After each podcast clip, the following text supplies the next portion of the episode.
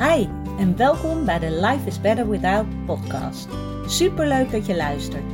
Mijn naam is Daphne en dit is de podcast voor iedereen die kampt met een eetprobleem en daar graag vanaf wilt.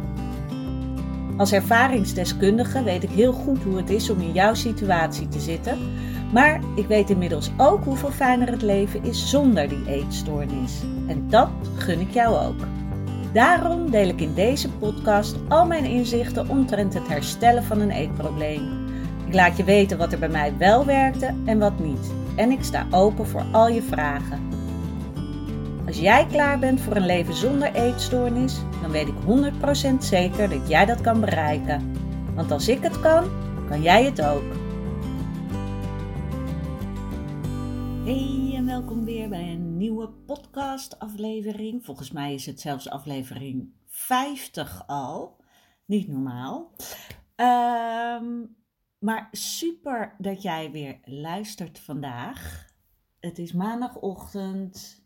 Niet het meest vrolijke weer, maar dat maakt niet uit, want we gaan er gewoon weer een mooie week van maken. Ik hoop dat jij een lekker weekend hebt gehad. Ik heb een heerlijk weekend gehad. En gisteravond ben ik echt voor het eerst sinds tijden weer eens naar een concert geweest. En dat concert was in de Melkweg.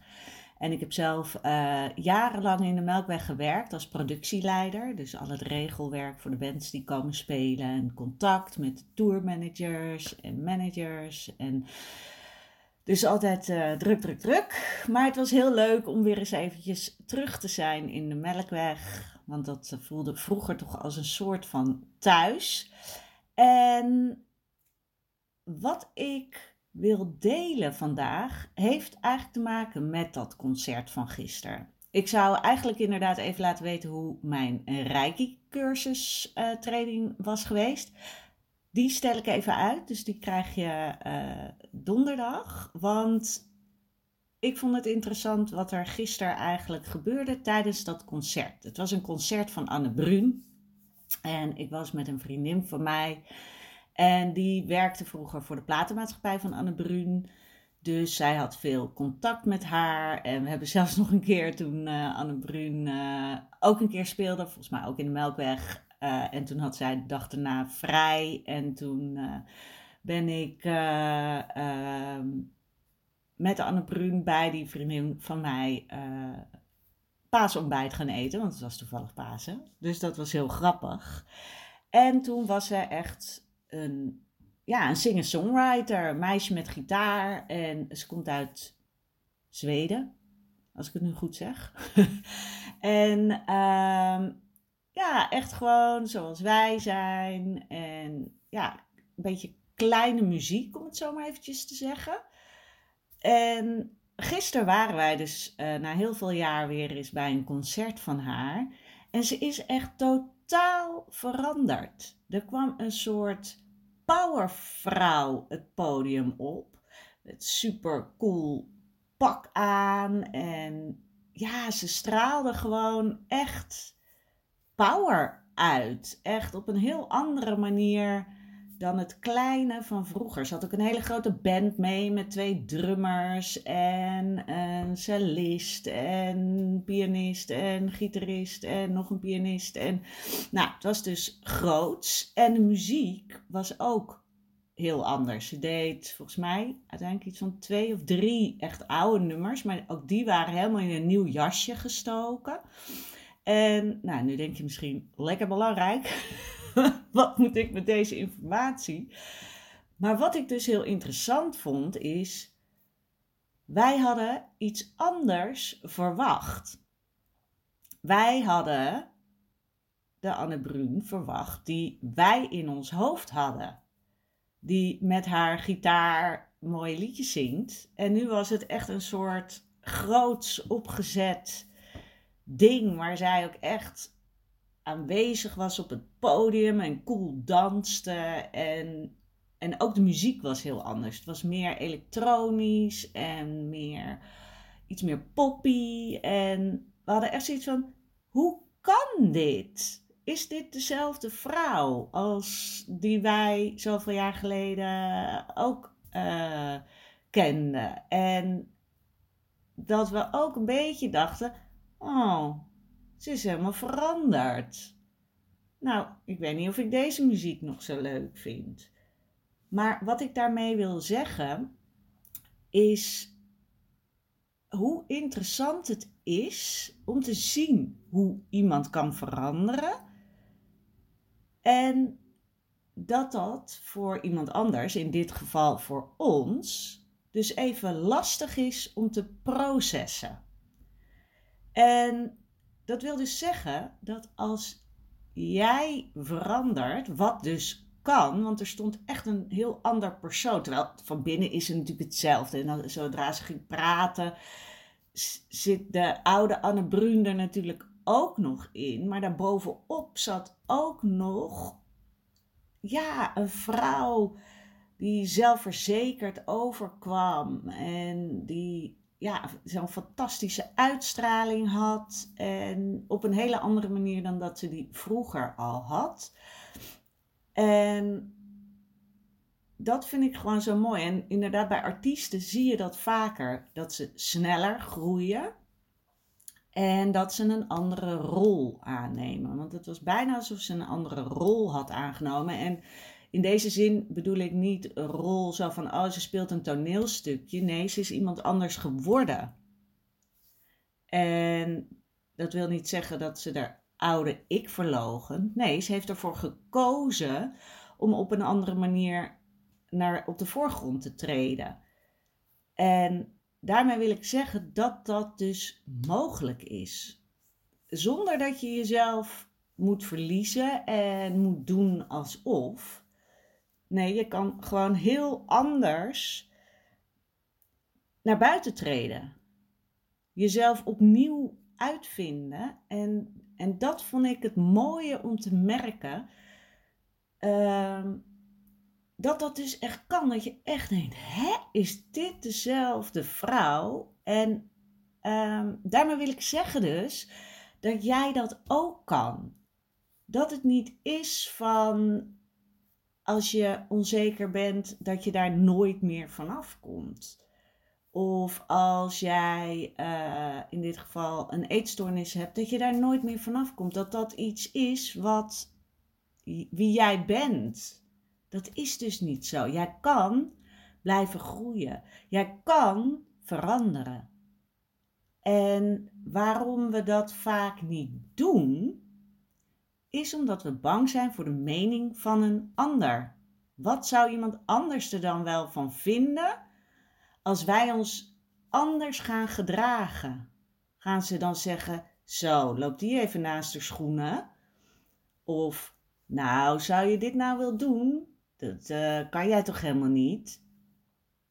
En daarmee wil ik zeggen dat ehm, wij hadden gisteren dus ook zoiets van, hè, is dat Anne Brun? En ik vond haar super stoer, maar ik moest er wel aan wennen.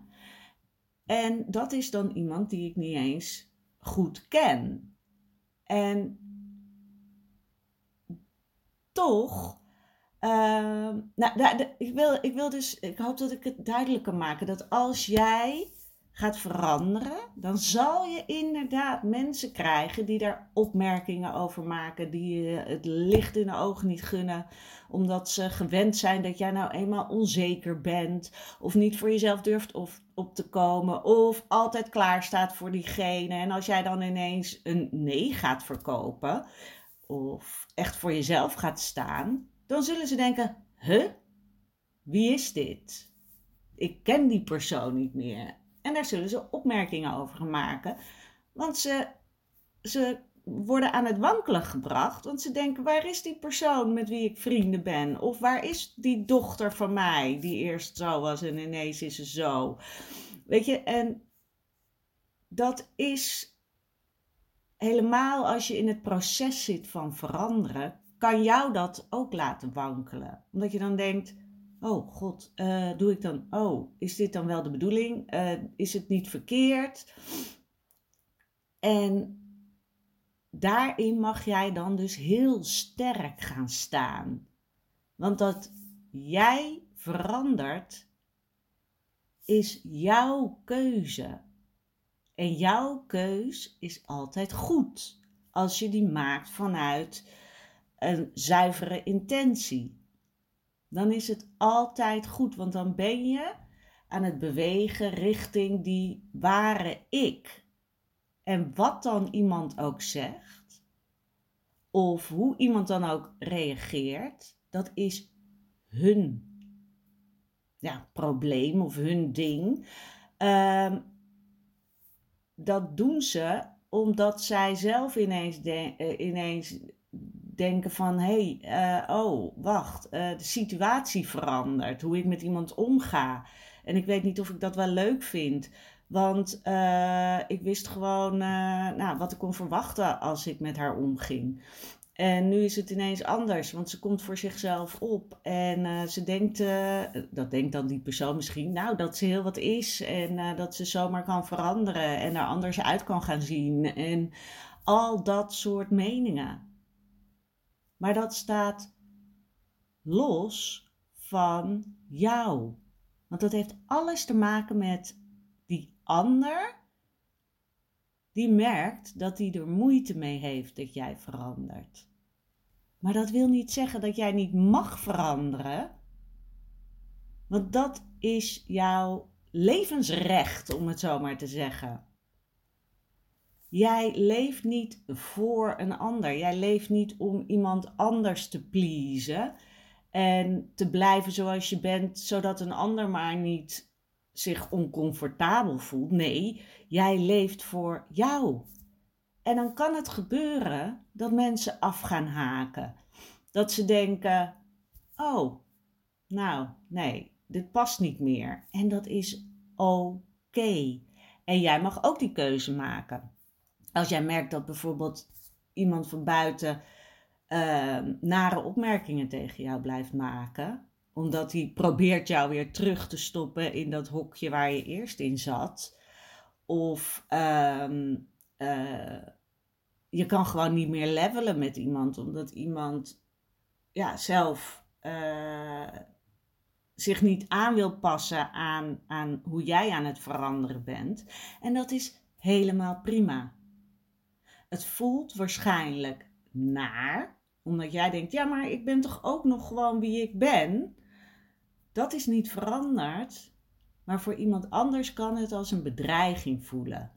En helemaal mensen die het zelf moeilijk vinden om zelf te veranderen. Die stiekem in zichzelf wel dat gevoel hebben van: oh, ik zou ook wel uh, meer, meer uh, vertrouwen in mezelf willen hebben. Ik zou ook wel zelfverzekerder willen zijn. Ik zou ook wel dingen willen veranderen. Ik zou ook wel gewoon, uh, whatever, mijn baan op willen zeggen en voor mezelf beginnen. Of weet je, al dat soort dingen. Maar dat ligt bij die persoon. En hoe moeilijk het dan ook kan zijn om afscheid te nemen van die relatie. Dat is wel de beste keuze die je dan kan hebben als het niet meer goed voelt. Als iemand niet met jou wil meebewegen. Als iemand jou niet wil nemen zoals je nu bent. Dus als iemand jou alleen maar wil als je gewoon die oude persoon weer bent. Want dan zit je niet meer op één lijn. Jullie zitten dan niet meer op dezelfde frequentie. En dan mag je daar afstand van gaan nemen. En dat is helemaal oké, want jij hebt ieder moment het recht om dingen in jouw leven te veranderen, om het voor jou beter te maken. En met beter maken bedoel ik dat jij jou, je beter gaat voelen. Dat jij voelt dat je leiderschap hebt over je eigen leven. Dat jij die keuzes mag maken. Dat jij mag denken wat jij wil denken om je beter te gaan voelen. En ja, ik hoop echt dat je dit voelt. Want ik weet hoe moeilijk het is als je verandert en mensen om je heen gaan zeggen, die, die gaan mm, ongemakkelijk reageren omdat ze jou misschien niet meer helemaal herkennen of zouden willen doen wat jij ook doet nu. Veranderen in, in de persoon die veel dichter staat bij zijn ware ik. En dat ligt dus helemaal bij hen. Jij bent oké zoals je bent.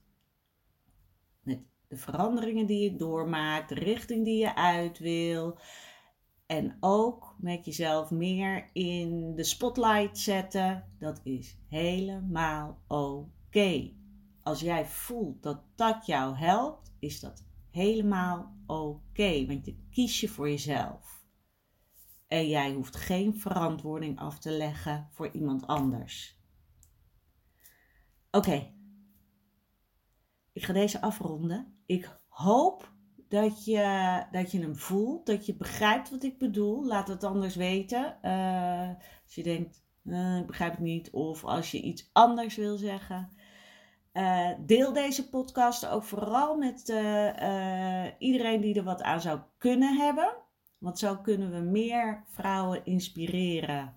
En mannen natuurlijk ook, als er mannen luisteren naar deze podcast, maar volgens mij zijn het voornamelijk vrouwen, kunnen we meer, meer mensen inspireren om te gaan voor dat leven, ja, waar je gelukkig van wordt, waar je blij van wordt. En dat is wat je komt doen hier op aarde. Zorgen dat jij je goed voelt.